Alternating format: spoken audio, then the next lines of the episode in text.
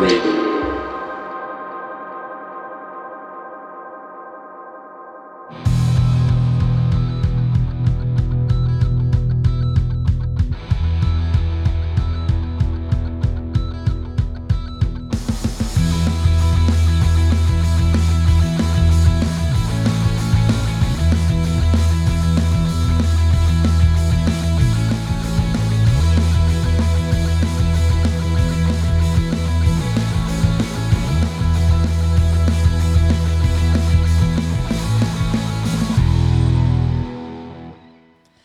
Tere, tere, käes on jälle üks nendest esmaspäevadest, kus eetris on Eesti LGBT Ühingu saade Argielu võrdsus. mina olen Kristiina ja tänase saate teema on Pride, selle minevik, selle olevik, natuke selle tulevikku. mul on täna kaasas kaks väga teadjat ja vahvat külalist, kelleni me kohe jõuame Äh, nii et ees on äh, tunni jagu Pradi teemalist juttu, äh, kuna juba paari päeva pärast algab juunikuu, mis teadupärast on Pride'i kuu. Ähm, ja ka Eestis toimub Pride just juunikuus. hea meel on teatada, küll mitte juba esimest korda, aga aina suuremalt ja suuremalt, et üheteistkümnendal juunil toimub Tartus Tartu Pride, mida korraldab ühing koos Tartu LGBT pluss grupi ja Vikerruumiga sellest tuleb ka täna kindlasti väga palju juttu ähm,. tänavuse Pride'i äh, teema on suuresti seotud ajalooga äh,, kuna tänavu möödub kolmkümmend aastat äh, homoseksuaalsuse dekriminaliseerimisest Eestis teist korda. tegelikult seda tehti esimest korda juba esimese iseseisva Eesti Vabariigi ajal aga seda palju ei teata ähm, tegelikult on ka teisi märgilisi sündmusi, mida tähistada ähm,.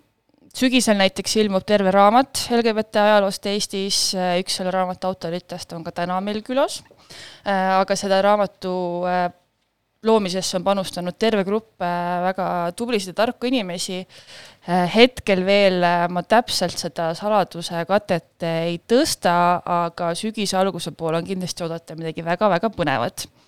ja tegelikult äh, selle aastaga saab isegi sellise suurema ajaloo laine valla päästa, sest näiteks juba järgmisel aastal äh, möödub kümme aastat esimesest äh, sellisest meie mastaabist suuremast Pride'ist. Eesti LGBT Ühing ise saab viisteist, mis on selline paras tähtpäev juba. nii et vaatame, kuidas selle kõigega läheb, eriti arvestades, et enne seda kõike kevadel on meil Riigikogu valimised tänavuse Tartu Pride'i teema on siis jah, suuresti seotud ajalooga ähm,, aga mitte ainult see, et meil on ajalugu äh, või see, et ajalugu on huvitav, vaid see, et äh, mingi osa ajaloost võiks nagu juba ka läbi saada. ehk siis äh, Tartu Pride marss küsib suuresti, kaua võib äh,? Näiteks LGBT inimesed on terve taasiseseisvunud Eesti aja abieluvõrdsust oodanud, kaua võib äh,? Transinimestel on omaenda elu üle otsustamiseks ikka veel vaja ministri ja arsti luba, kaua võib? ja kooseluseaduse vastuvõtmisest on möödas kaheksa aastat, aga Riigikogu pole ikka veel rakendussätteid vastu võtnud. no kaua võib? ja sellele küsimusele otsime täna vastuseid kahe külalisega, mul on külas äh, Anette Mäletjärv, kes on ühingu koostöökoordinaator, ta on LGBT aktivistide võrgustiku vedaja, ta on äh, Pride'i korraldaja, tegelikult lausa igipõline aktivist, äh, ka heterokringel, ka homokringel äh, ja mis ma millegipärast soovisin ära märkida, mulletikandja tere, Anette! tere, tere! ja tema kõrval istub Taavi Koppel, kes on minu silmis absoluutne kõndiv LGBT entsüklopeedia. ta on ajaloo uurija, entusiastlik arhiveerija, tänu kellele me teeme väga palju asju, mida me muidu ei teaks ta laulab Vikerlaste laulukooris, äh, ta on seisnud LGBT inimeste huvide eest äh, valimiste ajal ja ta on olnud vist tubli vabatahtlik väga paljudes kohtades. tere, Taavi! tere! kas te soovite enda kohta veel midagi öelda? vist sai kõik öeldud, sa oled väga põhjalik. väga ilus, aitäh! tore, ei, ei pannud teid siis sellesse ebamugavasse olukorda, kus te peate iseendast rääkima aga tere tulemast saatesse. Anette on siin küll varem käinud juba, siis veel me ei olnud kolleegid, nüüd juba oleme mm,. aga räägime siis kõigepealt Tartu Pride, kes, mis, kus, miks, kuidas? Tartu Pride, nagu mainisid, leiab aset üheteistkümnendal juunil Tartus Äh, see on, see tähendab siis seda, et see Pride rongkäik äh, toimub Tartus, saame kokku kell üks Vanemuise pargis, äh, kell üks kolmkümmend hakkame sealt marssima mööda Vanemuise tänavat alla ja lõpuks jõuame Raekoja platsile, kus toimuvad erinevad kõned pärast mida tuleb ilmselt ka väike piknik või sihuke koosviibimine ja õhtul saab juba Genialistide klubis pidu. aga see ei ole veel kõik. sel nädalal saab ka palju teisi põnevaid üritusi nii Tartus kui Tallinnas. hetkel on nimelt Tartus tulemas karaokeõhtu, plakatite valmistamise töötuba, veel välja kuulutatud ei ole, aga võib-olla on tulemas ka üks drag workshop. Äh, Tallinnas äh, jah, lisaks Tartus ka üks kontsert enne laupäeva ja Tallinnas hetkel on Oodionis üheksandal juunil tulemas äh, siis äh, Major Dangeri ehk Melli korraldatud äh, drag show. ja võib-olla on veel üritusi tulemas, nii et hoidke meie kanalitel silmad-kõrvad peal ja anname teada. väga vahva. Taavi, kas ja millistel üritustel sina kavatsed osaleda? Äh, no kindlasti rongkäigul ma juba mõtlen, et peaks kõne hakkama ette valmistama, seal ikka natukene äh, sellist äh, poliitilist aktivismi seal tänaval näitama. aga kindlasti need üritused, mis siis Tartus nädalavahetusel toimuvad, et kui juba Tartus olla, et miks ainult piirduda siis selle rongkäiguga. vahva küsime siis alustuseks, mina põline tallinlane, kes ma olen kõik oma Pride'id Eestis, Tallinnas äh, üle elanud, äh, miks Tartu? vot just sellepärast, et varasemalt ongi ainult Tallinnas olnud ja tegelikult Tartus on ju ka näha, et meil on aktiivne kogukond olemas, meil ju heameeleavaldused said Tartust alguse ja ka tark Tartus on tarkus, tahaksin nüüd ma tarkus juba siin äh,, sõnamäng, aga et Tartus ka on äh, ju olnud LGBT ajalugu, võib-olla Taavi oskab rohkem rääkida sellest, aga et, et ka ju tegelikult äh, noh, see aktivism, mis saigi, oli nii Tallinna geinoored kui ka Tartu geinoored, ehk on mõlemas äh, linnas paralleelselt seda, seda aktiivset kogukonda olnud ja mõtlesimegi, et seekord äh, võiks teha Tartus, kui meil ka seal on aktiivseid inimesi ja kogukonda. jah, selle ajalooni me veel jõuame, et et äh, Taavi saab kindlasti siin jagada meiega põnevaid seiku ähm,. aga räägime korraks veel, et äh, mis selle Tartu ürituse eesmärk laiemalt siis on, et ma siin mõned küsimused esitasin, aga üldiselt, et äh, mida, mida see Pride taotleb?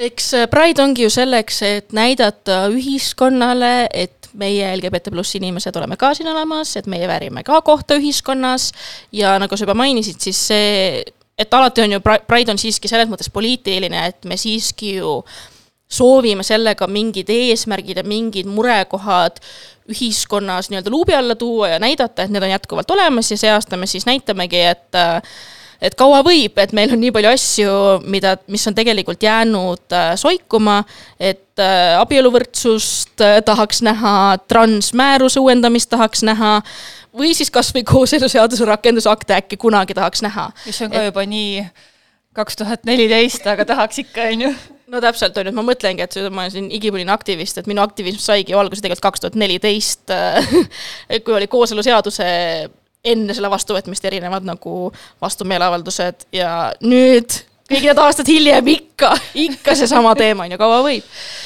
et see on kindlasti selleks, et noh, näidatagi ühiskonnas, et meil, meid on siin, meid on siin, meid on palju, on meie LGBT pluss inimesed kui ka meie toetajad, et ühiskond on nendeks muudatusteks juba ammu-ammu valmis. ja, ja lisaks ka näidata kogukonnale, et me oleme olemas, et minu jaoks isiklikult see on ka üks kõige olulisemaid asju, et et just näiteks, ma ei tea, noored kapis inimesed näeksid uudistest või tänavatel, et näe, meid on Eestis veel, meil on Eestis LGBT pluss inimesi, et nad mõistaksid, et nad ei ole üksinda ja et meil on see kogukond siin olemas. Ähm, jah, ja pluss noh, ongi, et anda kogukonnale ka võimalus kokku tulla äh,, niisiis äh, näidata riigile ja linnadele, mis on meie nii-öelda nõudmised või soovid äh,, aga samas ka, aga samas ka, mis ma tahaksin ütlema, mõte kadus ära, jah, et omavahel kokku tulla ja tähistada ja just see aasta ka tulla kokku, tulla tänavatele ja tähistada seda kolmkümmend aastat dekriminaliseerimisest mm. -hmm. Um, ja see on nagu kõik väga noh, täiesti legitiimsed põhjused, miks kokku tulla aga kui natuke konkreetsemalt rääkida, siis äh, miks Eestis üldse inimesed on tahtnud Pride'i? et tänapäeval võib-olla see on natuke selline normaalsem, et noh, mõni võib-olla isegi ütleb, et igal pool toimuvad, et miks meile võiks, on ju. aga mis nagu ajalooliselt või kas või teie enda nagu Pride'idel käimise ajal on võib-olla teie enda mingid sisemised soovid olnud või miks te tahate just Eestis Pride'i näha, miks ei ole sama, kui minna Helsingisse Pride'ile? no ma võib-olla alustan, et enda ko kogemuse põhjal, et ma mõtlengi, et kui ma vaatan välismaa Pride'e, et Eesti kontekst on siiski teine kui Lääne-Euroopa kontekst, et Lääne-Euroopas ongi võib-olla rohkem neid pidustusi, rohkem niisugust festivali formaati, üritusi, et on hästi palju inimesi ja ja ma ei tea, muusika ja tantsud ja värgid-särgid, aga miks mina tahan Eestis näha, on just see, et meil on nii palju veel areneda LGBT pluss õiguste valdkonnas.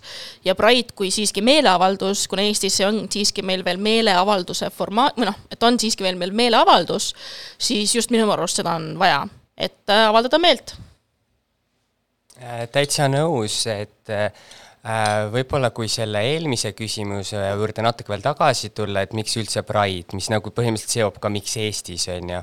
Et äh, nagu Anette ilusasti ütles, põhimõtteliselt ju kaks eesmärki, üks ongi see kogukonna kokkutulemine, mis ka näiteks selleaastasel Vikerkaare kangelaste auhinnagalal väga ilusasti minu jaoks välja tuli. et üks on see, et me oleme internetis kõik olemas, aga teine on see, et sa ikkagi näed inimesi ja, ja kõik see emotsioon, mis sellega kaasneb, et kõik need üritused lisaks sellele rongkäigule. aga laias, laias laastus on ju Pride ja eriti see rongkäik paraad on suur meeleavaldus, suur ühine kapist välja tulemine, et sisuliselt me ütleme, et me oleme olemas, äh, me ei lähe siit ära, me ei häbene ennast, äh, meie mured on ka olulised ja, ja põhimõtteliselt sellega siis me noh, tekitame natukene sellist äh, noh, kaua võib, on ju, et meie muredega ei võiks, tuleks ju ka tegeleda et eh, ja ühtlasi seda peaks siis tegema mitte siis kümne aasta pärast, mitte siis, kui Eesti üks hetk valmis peaks saama äh,, mitte siis, kui poliitikutel on mugav, vaid täna äh,, just, just nüüd ja kohe.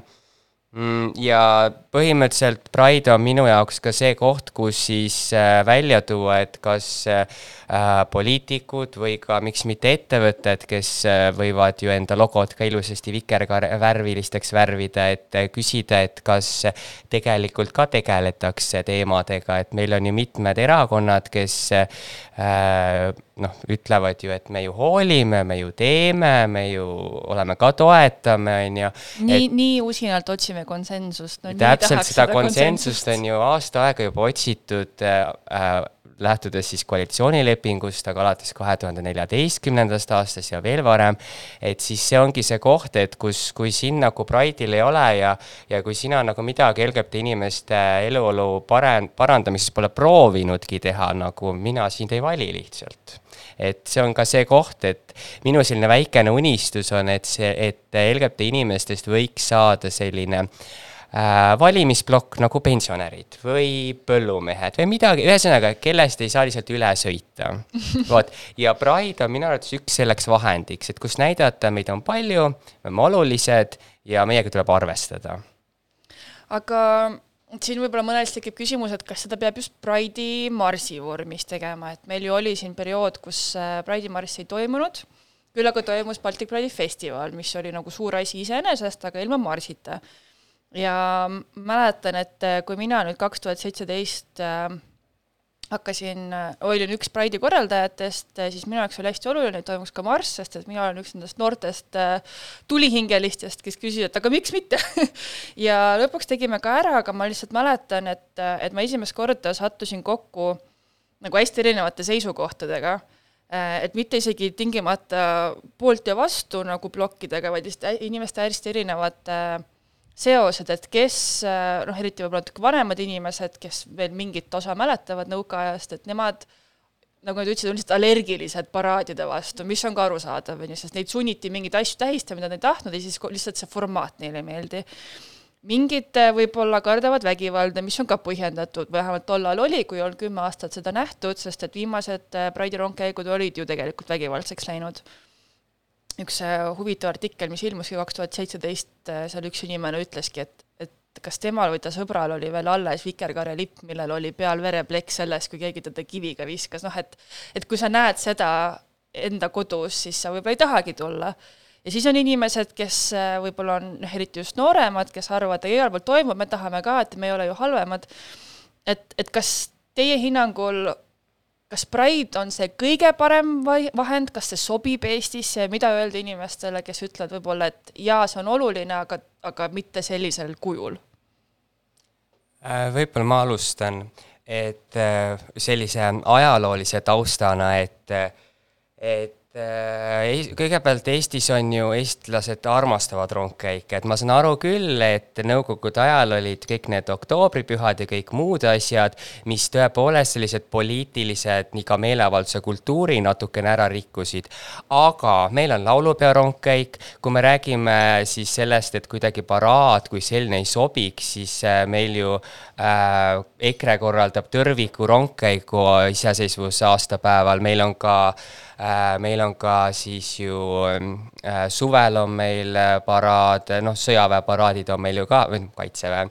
et selles mõttes see ei ole tegelikult, ei ole asi formaadis, asi on rohkem selles, et LGBT inimesed on tänavatel ja väljas. seal on see juur, see formaat on tegelikult täiesti savi nüüd küsimus, et kas Eesti kontekstis Pride'id äh, midagi on teinud ka, siis minu hinnangul see, miks äh, meil üldse kooseluseadus on, miks äh, diskussioon LGBT teemadel on täna vaatamata kõigele võrreldes kahe tuhandenda aastate algusega väga teisenenud, positiivsemaks läinud, kõik sõnakasutused, teemad, mida me arutame, et selle, selle põhjus peitub suuresti selles, et Äh, LGBT aktivistid, nii-öelda teise põlvkonna LGBT aktivistid Eestis, kes kahe tuhandendate alguses tulid oma nimede ja nägudega välja, äh, nemad äh, lihtsalt muut-, tekitasid sellise ebamugava olukorra poliitikutele, kus tuli tegeleda. ja kui nad poleks seda teinud, siis me ei oleks siin, kus me oleme, et selles mõttes ei saa öelda, et see oleks nagu mõttetu, Eestisse ei sobiks ja lihtsalt mingi tilu-lilu, et ei ole Taavi juba jah, mainis seda ka, mida ma tahtsin öelda, natuke siin on nii palju seda nähtavuse küsimust, et, äh, et mulle tundub, et Eestis võib-olla homofoobia paljudel on selles nagu, sellel nii-öelda levelil, et inimesed on pandud nii-öelda nähtamatusse kappi või ma ei, tea, kas nähtamatu on õige, läbipaistev kapp on vist. igatahes äh, üks äh, Ida-Euroopa kväärakadeemik, ma nime kahjuks praegu ei mäleta, seletabki hästi lahti, kuidas Ida-Euroopas ongi tihti see, et inimesed teavad, kui keegi on LGBT äh, ja nad noh, noh, kasvõi ma ei tea, pere, kolleegid ja nad on okei okay sellega niikaua, kui see inimene ei näita seda või ei räägi sellest ja mulle tundub, et see nagu äh, laieneb ka hetkel Eesti ühiskonnale.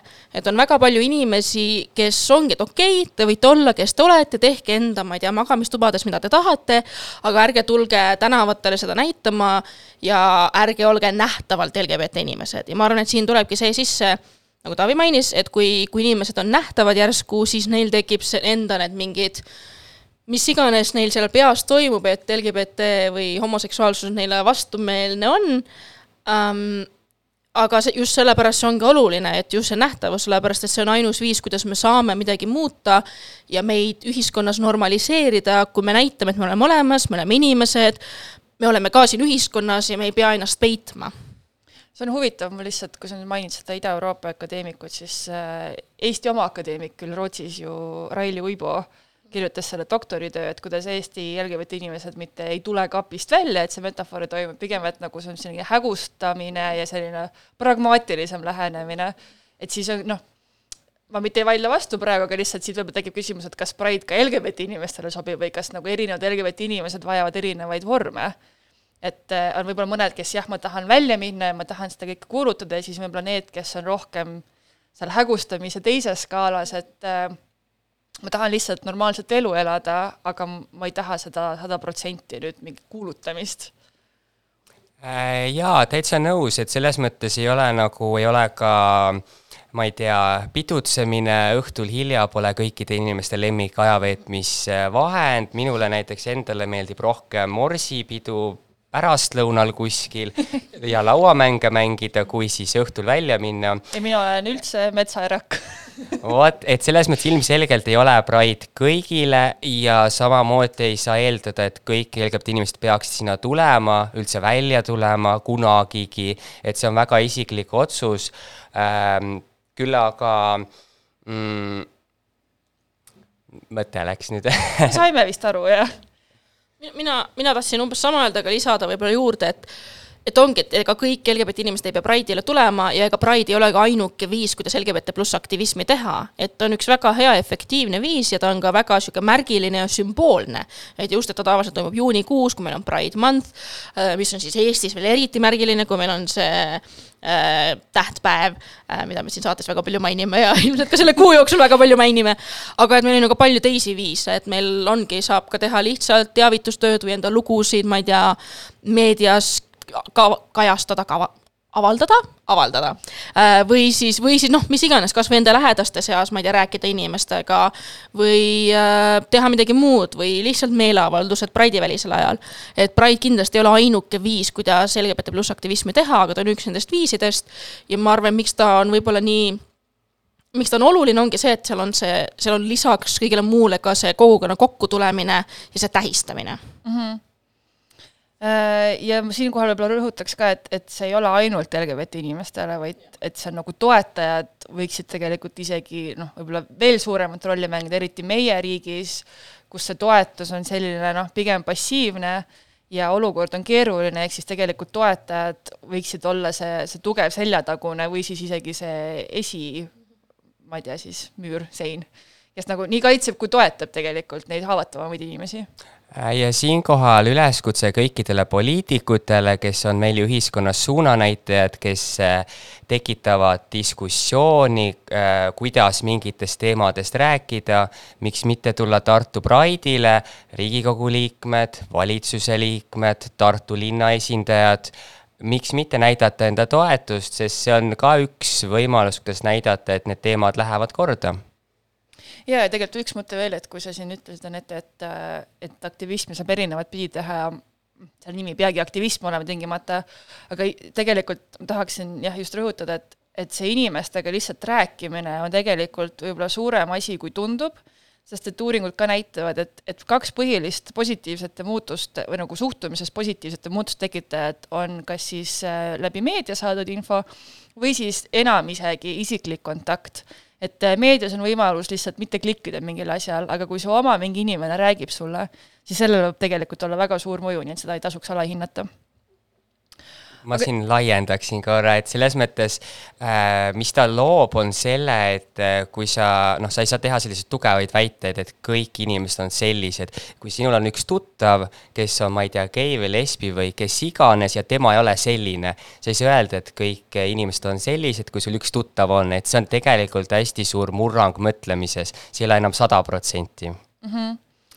Äh, Taavi, lasen sul ühe asja veel öelda paneme sinu sooviloo mängima, kas sa soovid selle sisse juhatada? Äh, selle sooviloo ma, ma nuputasin hästi pikalt, sest ega siin on ikka väga oluline saade, et mis lugu siis võiks tulla.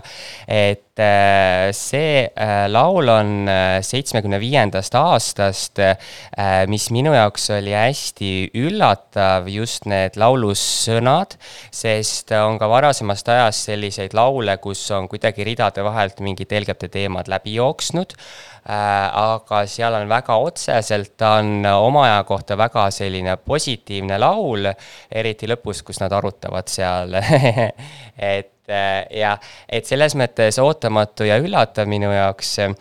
Mm, ja see samas laul on ise ka väga hea. mis laul see on ähm,? Äh, las ma mõtlen äh,, Ain't nobody straight in LA on laulu pealkiri kuulame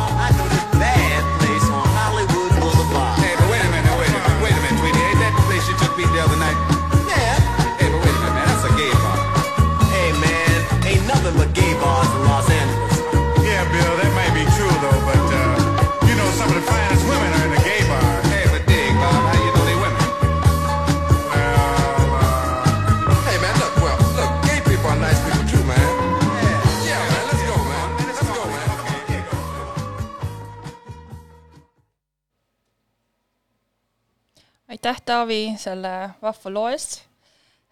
liigume edasi ajaloolainetel. Ehm, võtame praegu märksõnaks selle kolmkümmend aastat dekriminaliseerimisest kuidas selleni jõuti, mis olid võib-olla olulisemad arutelud selle ümber, mis nüansid võib-olla väärivad väljatoomist, et et tä-, tänapäeval see tundub ilmselge, et, et see, selline asi oleks kriminaliseeritud, aga ilmselgelt selleni jõudmine oli ikkagi protsess. Kas sa, Taavi, oskad äkki selle kohta lähemalt rääkida? mm. -hmm. et nagu sa saate alguses ka mainisid, siis tegelikult on Eesti kaks korda äh, siis homoseksuaalsust seadustanud ja mõlemal korral täpsemalt siis äh, meestevahelist seksi, et äh, esimest korda siis oli kahekümne üheksandal aastal, kus siis äh, põhimõtteliselt toimu-, oli sarnane olukord, kus siis äh, varasem Vene impeeriumi seadusandlus polnud veel äh, noh, veel kehtis, kuna uut polnud vastu võetud. ja siis kolmekümne viiendal aastal hakkas see kehtima, et Eestist siis sai üks esimesi riike, kus oli homoseksuaalsus varem olnud kriminaalkorras karistatav, kus, mis siis legaliseeris ja seda siis juba kahekümne üheksandal aastal. esi, üks esimesi riike, mis piirkonnas, mis kontekstis? Äh, üldse maailmas, et selles mõttes üks esimesi üldse oli muidugi Prantsusmaa, noh, ka Nõukogude Venemaa jõudis Eestist ette, aga kui me räägime nüüd, et Ida-Euroopa on kuidagi Lääne-Euroopale järgi jooksja, siis äh, Eesti oli äh, legaliseeris enne kui Ühendriigid, enne kui Suurbritannia, enne kui põhimõtteliselt kõik ülejäänud Saksamaa, on ju, et selles mõttes Eesti viis pluss, aga siis meil tuli see Nõukogude aeg, äh, kus siis paragrahvi sada kaheksateist järgi siis äh, meestevahelise seksi eest võis saada vanglakaristuse reaalse äh, kaks aastat. ja siis, kui sa küsisid niimoodi mm,. ja kusjuures siis vabatahtliku seksiga, et selles mõttes siin ei ole küsimus, et noh, ilmselgelt vägistamist ja muud teemad on jätkuvalt ju, ju kriminaalkorras karistatavad, aga me räägime konsensuslikust äh,. põhimõtteliselt, kui teine mees teist meest armastab, siis see ei ole nagu, ei olnud nagu toona okei okay.. ja äh, kui sa siis küsisid, et see arutelude kohta, siis kaheksakümnendate lõppu iseloomustab ülemaailmne AIDSi epideemia, pandeemia, kuna Nõukogude Liit liitu sisse inimesi sai palju vähem kui noh, raudse eesriide tõttu, et siis siia jõudis ta palju aeglasemini, mistõttu see tegelikult kaitses meil selliste äh, mm, suure, suure epideemia eest varasemal ajal, et Eestisse kas oli äkki kaheksakümmend seitse või kaheksa, ma praegu jään vastuse võlgu, kui esimene äh, siis nakkus tuvastati Eestis alles. aga selle raames siis hakati rääkima, kuna meestega seksivad mehed on üks HIV-i riskirühmadest, siis ka sellest äh, homoseksuaalsusest ja tõstatus ka selle paragrahvi küsimus. Et eriti siis, kui kaheksakümmend kaheksa ühe arsti poolt tuli eriti õudne homofoobne brošüür HIV-i teemaline et siis esimesed, esimese põlvkonna LGBT aktivistid eesotsas Lilian Kotteriga, meie siis selleaastase Vikerkaare kangelasega, kes sai elutööpreemia, hakkasid siis ajakirjanduses sõna võtma just selle, ühelt poolt selle et AIDSi eest räägitaks mõistlikult ja teiselt poolt ka, et küsiti teravalt, et miks meil üldse see paragrahv on aga kui küsida, et miks ta üldse siis ära kaotati, et äh, minu enda, ma pole täpselt seda mm, protokolle lugenud, Riigikogu omasid veel pole jõudnud, aga. märksõna veel. veel jah äh, aga äh,, aga sisuliselt on põhjus selles, et Eesti võttis üheksakümnendatel aastatel hästi selge kursi läände. Äh, Euroopa Liit, äh, Euroopa erinevad ühendused ja selleks, et sinna saada, tuli Eesti enda seadusandlusi siis viia mm, vastavusse siis toonaste Lääne-Euroopa praktikatega. ja Eesti näiteks ei oleks saanud Euroopa Liitu, kui oleks meestevaheline seks äh, kriminaalkorras karistatav. ehk siis mina ise tunnen, et see oli selline vajadus, äh, selle kohta ei olnud meedias mingit arutelu, sellest ei kujunenud mingisugust sellist kooseluseaduse laadset janti, mis oleks aastaid kestnud, see oli selline väga viisakas üks, kaks, kolm ja tehtud. ja miks ma ei usu, et riik tegelikult oleks rohkem hoolinud, kui siis see miinimum, et Euroopasse saada, oli see, et kui üheksakümmend kaks siis äh, äh, dekriminaliseeriti, äh, siis üheksakümmend kolm tõstatus esimest korda avalikult abieluvõrdsuse küsimus Eestis. Ja siis selle siis Riigikogu suutis või noh, täpsemalt siis õiguskomisjon ja see siis suutis selle kiiremini siis äh, ära kaotada, kui eelmine aasta oli meil see abieluvõrdsuse petitsioon. et seda, see oli nagu mit-, see põhimõtteliselt ei olnud mingi teema ja ja siis seal küüniliselt küsiti, et lahendaks see siis mõne ühiskondliku pinge see abieluvõrdsus, on ju, või teeks midagi head, et siis me võiks nagu kaaluda, on ju. et selles mõttes selle taga mina sellist siirust ei näe, mina näen hästi praktilist vajadust Euroopasse jõuda. ja, ja selle jaoks, et Euroopasse jõuda, oli see üks takistus, mis tuli likvideerida. mis muidugi ei tähenda, et see ei oleks olnud märgiline ja oluline hästi paljudele inimestele, eriti LGBT inimestele ja selline esimene samm võrdsema ühiskonna poole aga kui me räägime nüüd äh, lähiajaloost, mida me ise võib-olla mäletame, me oleme siin pigem ühte kanti vanused, kuigi natukene varieeruvad, äh, siis ähm, kuidas me nagu või kuidas te oma eluajal või oma nagu teadliku analüüsi ajal toimunud muutusi tajute, et millist trajektoori teie meelest Eesti on nagu läbinud, teades seda ajalugu, aga ka nähes siis seda viimase paarikümne aasta, äh, aastal toimunut? Äh, no mina avastasin enda siis identiteedi aastal kaks tuhat üksteist, äh, mis on siis nüüd üksteist aastat tagasi. ju vist. jah, on ka aasta kakskümmend kaks praegu, ma ei tea enam. pandeemias kõik sassi. ehk siis nagu mina ütleks, et no ja siis, kui ma avastasin, siis noh, ikka hakkad asju guugeldama, sihuke am I gay quiz ja, ja muud asjad ja muuhulgas ma otsisin nagu äh, LGBT pluss inimesed maailmas ja LGBT pluss inimesed Eestis. Ja põhimõtteliselt ainuke vaste oli Lisette Campus äh, samas kui nagu praegu vaadata ringi Eestis, siis on palju rohkem kapist väljas LGBT pluss inimesi, kas just kuulsuseid, aga siiski inimesi. Elisete kampus selle Taavi jaotuse järgi kuuluks sinna teise aktivistide põlvkonda just, et, et lihtsalt kasvõi see näide võttes, siis mulle tundub, et okei okay,, olgu poliitikas meil olnud liberaalsemaid kui konservatiivsemaid aegu, siis üldvaates mulle tundub, et vähemalt kogukond on kasvanud tugevamaks, kogukond on kasvanud ühtsemaks ja noored on palju-palju avatumad, palju rohkem out, kas või kui ma vaatan Tiktokis ringi, kuidas noored lihtsalt häbitult äh, kuueteistaastased seal jagavad, kuidas nad on koolis feministid ja avalikult lesbid ja seal vaidlevad homofoobsete õpetajatega, et seda on nagu väga tore näha ja minu arust noh, et see on see üks nagu nii-öelda näide, mis näitab, kuidas tegelikult me oleme muutunud paremuse poole minu arust. Äh, mina selles mõttes äh, ainult sellist progressi ei näe, et kõik läheb järjest paremaks. et äh, meil nüüd oli ju paar aastat tagasi oli meil äh, esimest korda avalikult homofoobne valitsus.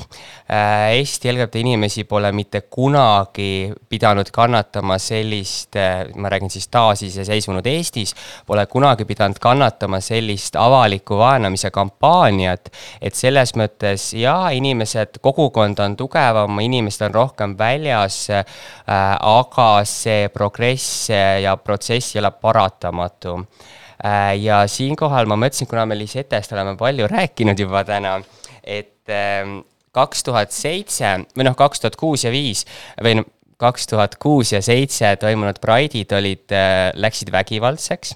Ja kaks tuhat seitse siis Lisette kirjutas hästi toreda artikli äh,, hästi võimsa artikli, millest, kui meil aega on, siis ma natukene, natuke loeksin seda ette, sest see mõnes mõttes selline paigalseisu aeg on meil, mida mi-, noh, põhimõtteliselt, mida ma iseloomustaksin alates siis kuskilt eh, ju kooseluseaduse vastuvõtmisest, kus nagu edasi ei liigu, tagasi natukene, on ju, aga vot, et Lisette kirjutas, et ähm, kui eelmisel aastal, see on siis kaks tuhat kuus, äh, rünnati Pride'i rongkäigus kümneid Eesti ning välisriikide mehi ja naisi, kellest nii mõnedki said viga, kas leidus kas või üks poliitiline jõud, kes hukkunu, kes juhtunu hukka mõistis?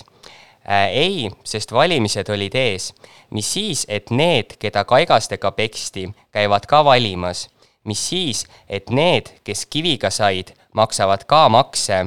mis siis, et need, kellele rusikaga virutati, on ka lapsevanemad kuni meie poliitikud ei võta endale vastutust ka selle ühiskonnagrupi huvide kaitsmise eest, ei ole me riigina ja ühiskonnana kaitstud vihkamise, sallimatuse ja rumaluse võidukäigu eest.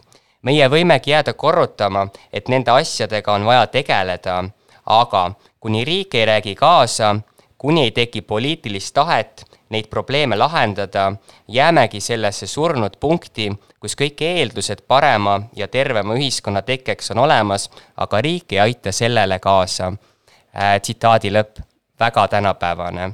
ja viisteist aastat hiljem kuidagi ikka selline tunne, et, et kui midagi on muutunud, siis nagu mingi mikroskoopilisel tasandil. kuigi jah, ma võib-olla võtaks jälle natuke positiivsemast võtmest, et okei okay, seaduste poolest on nagu ta on äh, ja seda on võib-olla raske muuta ka paraku. pikem äh, protsess. pikem jah. protsess, aga siiski, kui me vaatame näiteks toetust kooseluseadusele, mis on äh, aastate jooksul tõusnud ja praegu vist juba üle poole natukene Eestis toetab äh,, või üldse toetus LGBT pluss kogukonna vastu on tegelikult ju suurenenud. okei okay,, jah, ka vastasus vastupanu on suurenenud ja mulle tundub, et ka see vastupanu on natuke vägivaldsemaks läinud eelmise suve põhjal. aga siiski, et okei okay,, jah, see polariseerumine on toimunud mis on, mis on jama, aga üldjuures mulle tundub, et ühiskonnana me muu, liigume äh, sallivuse või toetuse poole ja nüüd on lihtsalt aeg, et äh, poliitikud ja Riigikogu tuleksid järgi ühiskonnale. jah, see on selline olukord, et, et mitu asja on korraga tõsi, ehk siis, et, et üks suund läheb nagu, üks grupp või nagu mingi üks nähtus läheb ühes suunas, ehk siis toetus näiteks kasvab, LGBT inimesed tulevad rohkem välja, on aktiivsemad, on rohkem kogukonda äh,, samas siis see vastusuund on siis see, et kas midagi ei toimu või siis kogu aeg on see suurem potentsiaal, et midagi halba võib juhtuda ja siis need kaks omavahel vahel ristuvad ja vahel ei ristu ja siis ajaloo, ajalookäärid põhimõtteliselt. aga kui nüüd konkreetselt Pride'i ajaloost rääkida, siis ähm, mida te teate vanemate Pride'ide kohta ja mida te ise mäletate mingitest Pride'idest, mis on varem toimunud? Äh, mina olen, kui me Eestist räägime, siis Eestis ma olen ühe korra käinud äh, sellel samal, milles, mida sina korraldasid kaks tuhat seitseteist, äh, mis oli väga tore et see oli selline, minu jaoks selline suur eneseületamine, sinna tulemine. Aga varasemast, kuna ma natuke lugenud olen, siis noh, sellest vägivallast me juba rääkisime käis ka selline jantimine siis, lubade saamisega, kus siis äh, Tallinna linn üritas äh, takistada Pride'ide toimumist, et ma ei tea, mis kahe tuhande seitsmeteist aasta kogemus oli, aga kaks tuhat 2000... ütleme nii, et ametivõimud olid, võimuametid, ametivõimud olid äh, äh, ettevaatlikud, aga ei takistanud mm. -hmm. aga toona väga aktiivselt takistati iga aastal kuskil seal, no kuna nad toimusid augustis, siis iga aasta suve alguses siis oli äh, jälle meedias, et jälle tuleb Pride ja kuidas me nüüd peame nüüd selle ära kannatama sisuliselt. Ähm, ja äkki saaks ikka ära keelata ja noh, siis tehti ka vastu Pride niimoodi, et eh, appi need noh, no nagu oli ka Festardil, et appi need homod ja porno ja ja kuidas nüüd ja lapsed, on ju. ja just sellel, kui kaks tuhat kuus läks äh, vägivaldseks, siis kaks tuhat seitse siis pol-, Eesti politsei äh, otsustas, et kuulge, et selle asemel, et rohkem inimesi siis äh, politseid äh, kohale tuua, selle asemel võiks Pride vanalinnast ära üldse minna kuskile nurga taha, et äh, turvalisuse huvides põhimõtteliselt. et noh, selline suhtumine nii politsei poli-. nurgatagused vaiksed tänavad on LGBT inimestele kuulsalt turvalised. no täpselt, et selles mõttes ta oli selline hästi ebamugav äh, Eesti ühiskonnale äh, või vähemalt nendele inimestele, kellele see teema korda läks äh,. ka kogukonnas olid suured käärid, et äh, kas on vaja, et äkki me ikkagi vaikselt ole-, vaikselt ootame, kuni need, kuni see võrdsus tuleb, et me lihtsalt vaikselt ootame, teeme enda asju, on ju.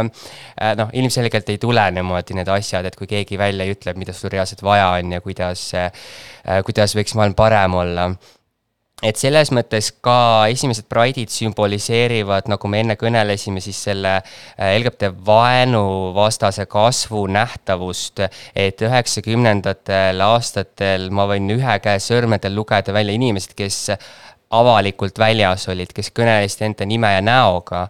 et noh, siis jääbki selline mulje, et kõik oli nagu äh, toredam, sõbralikum, kellelgi ei läinudki korda see.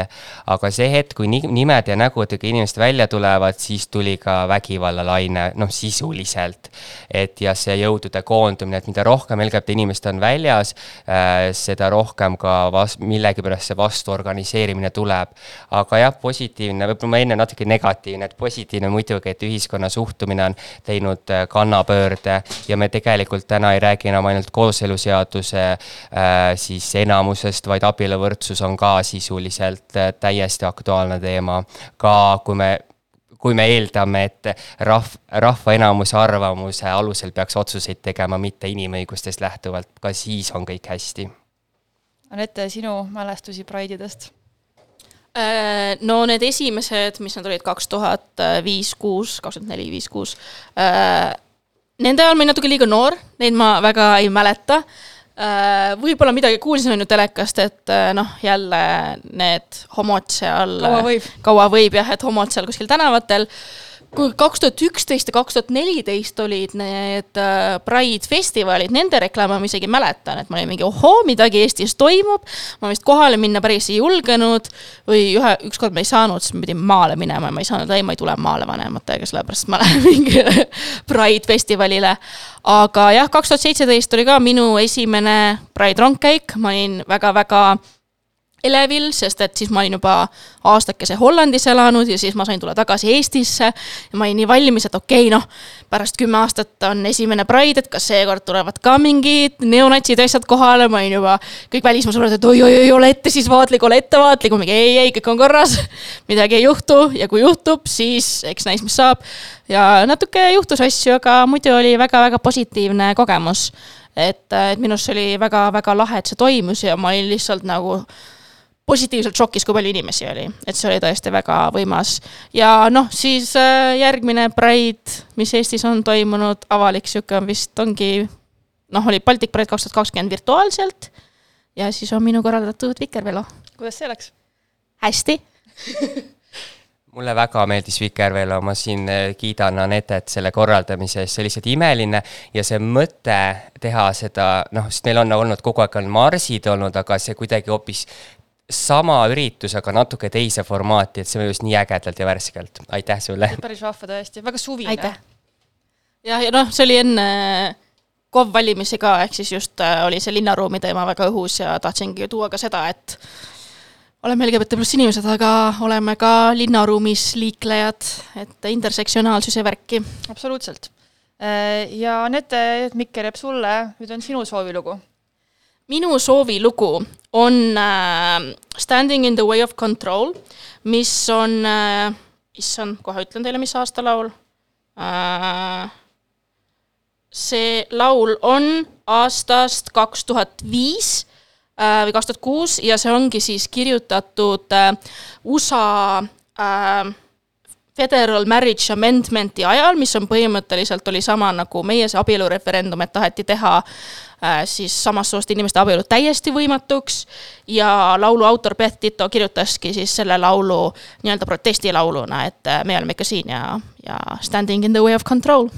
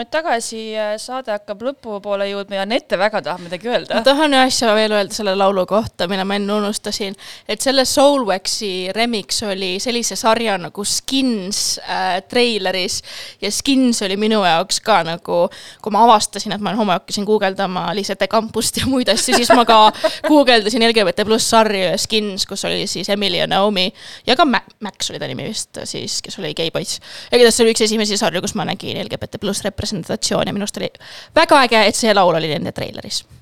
Ma hakkasin praegu mõtlema, et mida mina hakkasin otsima, ma ilmselt tegin ka mingeid teste ja värki, aga samas no ma olin juba küpses eas kakskümmend neli. ehk siis äh, ma ilmselt päris kõike ei tahtnud enam tarbida, ma mäletan, ma lugesin äh, ähm, põhimõtteliselt nagu üheksateistkümnenda sajandi romaani stiilis kirjutatud lesbiraamatuid, mis oli väga head, väga siuksed väga kavalad äh, mingi detektiivi müsteeriumitega nagu pikitud, aga lihtsalt see, see oli see minu community, sest ma ei teadnud mitte kedagi. Äh, aga äh, nüüd viimases osas me vastame kuulaja küsimusele, mida me postitame enne igat saadet äh, üldiselt reedeti Instagrami story des, et kui sul on järgmine kord veel küsimus, võid sinna oma küsimuse jätta. tegelikult läheb väga hästi kokku ka sellega, mis me täna rääkisime, kuidagi, kuidagi juhtus niimoodi, et päris palju tähelepanu läks ikkagi selle turvalisusele ja vägivallale ja traumadele ja sellega on ka kuulaja küsimus seotud, nimelt, kuidas tulla marsil toime homofoobidega ja lisaküsimus, kas politsei on varasemalt aidanud? Ma võib-olla teen otsa lahti selles mõttes, et ma olen politseiga otseselt koostööd teinud, et kuna ma olin kaks tuhat seitseteist äh, Baltic Pride'i rongkäigu üks peakorraldajatest, siis ma suhtlesingi siis politseiga esimest korda ja ma pean ütlema, et ma olin äh, kas see on just hea, aga ma olin positiivselt üllatunud, ehk siis ma ilmselt eeldasin midagi halvemat, mis ei ole tore, aga nad olid tõesti nagu väga mõistvad äh,, orienteeritud lihtsalt inimeste turvalisusele, ei olnud seda vaibi, et et teie, et teie nüüd provotseerite või teie olete ise süüdi, kui teile keegi kallale tuleb, et äkki te ei peaks seda üldse tegema, et seda ei olnud üldse. Äh, me olime tegelikult ka päris hästi ette valmistunud, sest me rääkisime nii politseiga kui ka turvafirmaga Äh, ja, ja politsei lihtsalt tegi oma tööd, nad ei saatnud mingi tohutut hulka patrulle välja, nad olid seal olemas, jälgisid olukorda ja pärast isegi tulid ütlema, et kuulge, jumala tore üritus oli ju, palju õnne ja noh, sellel hetkel ma võtsin kõik õnnitlused vastu, sest ma olin ise väga rõõmus, sest et äh, tuhat kaheksasada inimest umbes oli osalenud rongkäigul, et kes ei oleks rõõmus. Äh, ja, ja mis me siis nagu turvalisuse mõttes on hästi oluline, kui me räägime just Pride'i marssidest, et Anette, sa võid korralduslikust poolest kohe lisada ka, aga mis on nagu läbivalt missioont oleme hoidnud, et et provotseerijaid võib olla ja ilmselt ongi, kaks tuhat seitseteist oli erinevaid inimesi, mõned viidi ära, üks naine vehkis piibliga väga lähedal inimestele, et las ta vehib, aga lihtsalt ta oli mingi hetk oli natuke liiga lähedal äh,, Velopride'il oli ju noh, otseseid rünnakuid ja intsidente, heameeleavaldustel on juhtunud, et, et tegelikult selline läbiv soovitus on see, et et kui keegi sulle just kai-, kallale ei tule ja sa ei pea ennast kaitsma, siis ignoreeri. Ehk siis ütleme, et toimub marss äh,, mitusada, mitu tuhat inimest äh, kõnnib rõõmsalt, lehvitame lippe, ütleme oma sloganeid äh,, naudime üksteise seltskonda ja siis keegi hakkab ma ei tea, mölisema, ähvardama, provotseerima, mis iganes, siis parim reaktsioon on lihtsalt naeratada ja mööda minna. et ei jää nendega vaidlema kui nad tõesti häirivad inimesi, siis saab öelda korraldajatele, vabatahtlikele, politseile ja need inimesed lihtsalt kõrvaldatakse. Aga selleks, et kõigil oleks mitte ainult lõbus, vaid ka turvaline, on parem lihtsalt, lihtsalt ignoreerida, üks, üks lai naeratus ja, ja hea sõna ja lähme edasi. Anett, kas sa soovid natuke öelda, kuidas Tartus see hakkab välja nägema? Tartus siis meil on ka, politseis on meeleavaldus registreeritud, ehk siis loodame, et ka nemad tulevad silma peal hoidma, lisaks on plaanis ka turvameeskond Pride'ile saada. Ja loomulikult on meil ka vabatahtlikest korrapidajad, kes siis hoiavad silma peal, vajadusel siis juhendavad inimesi, kuidas käituda. Ja, ja nagu Kiku juba ütles ka, siis põhiline ongi, et provokatsioonidele mitte alluda.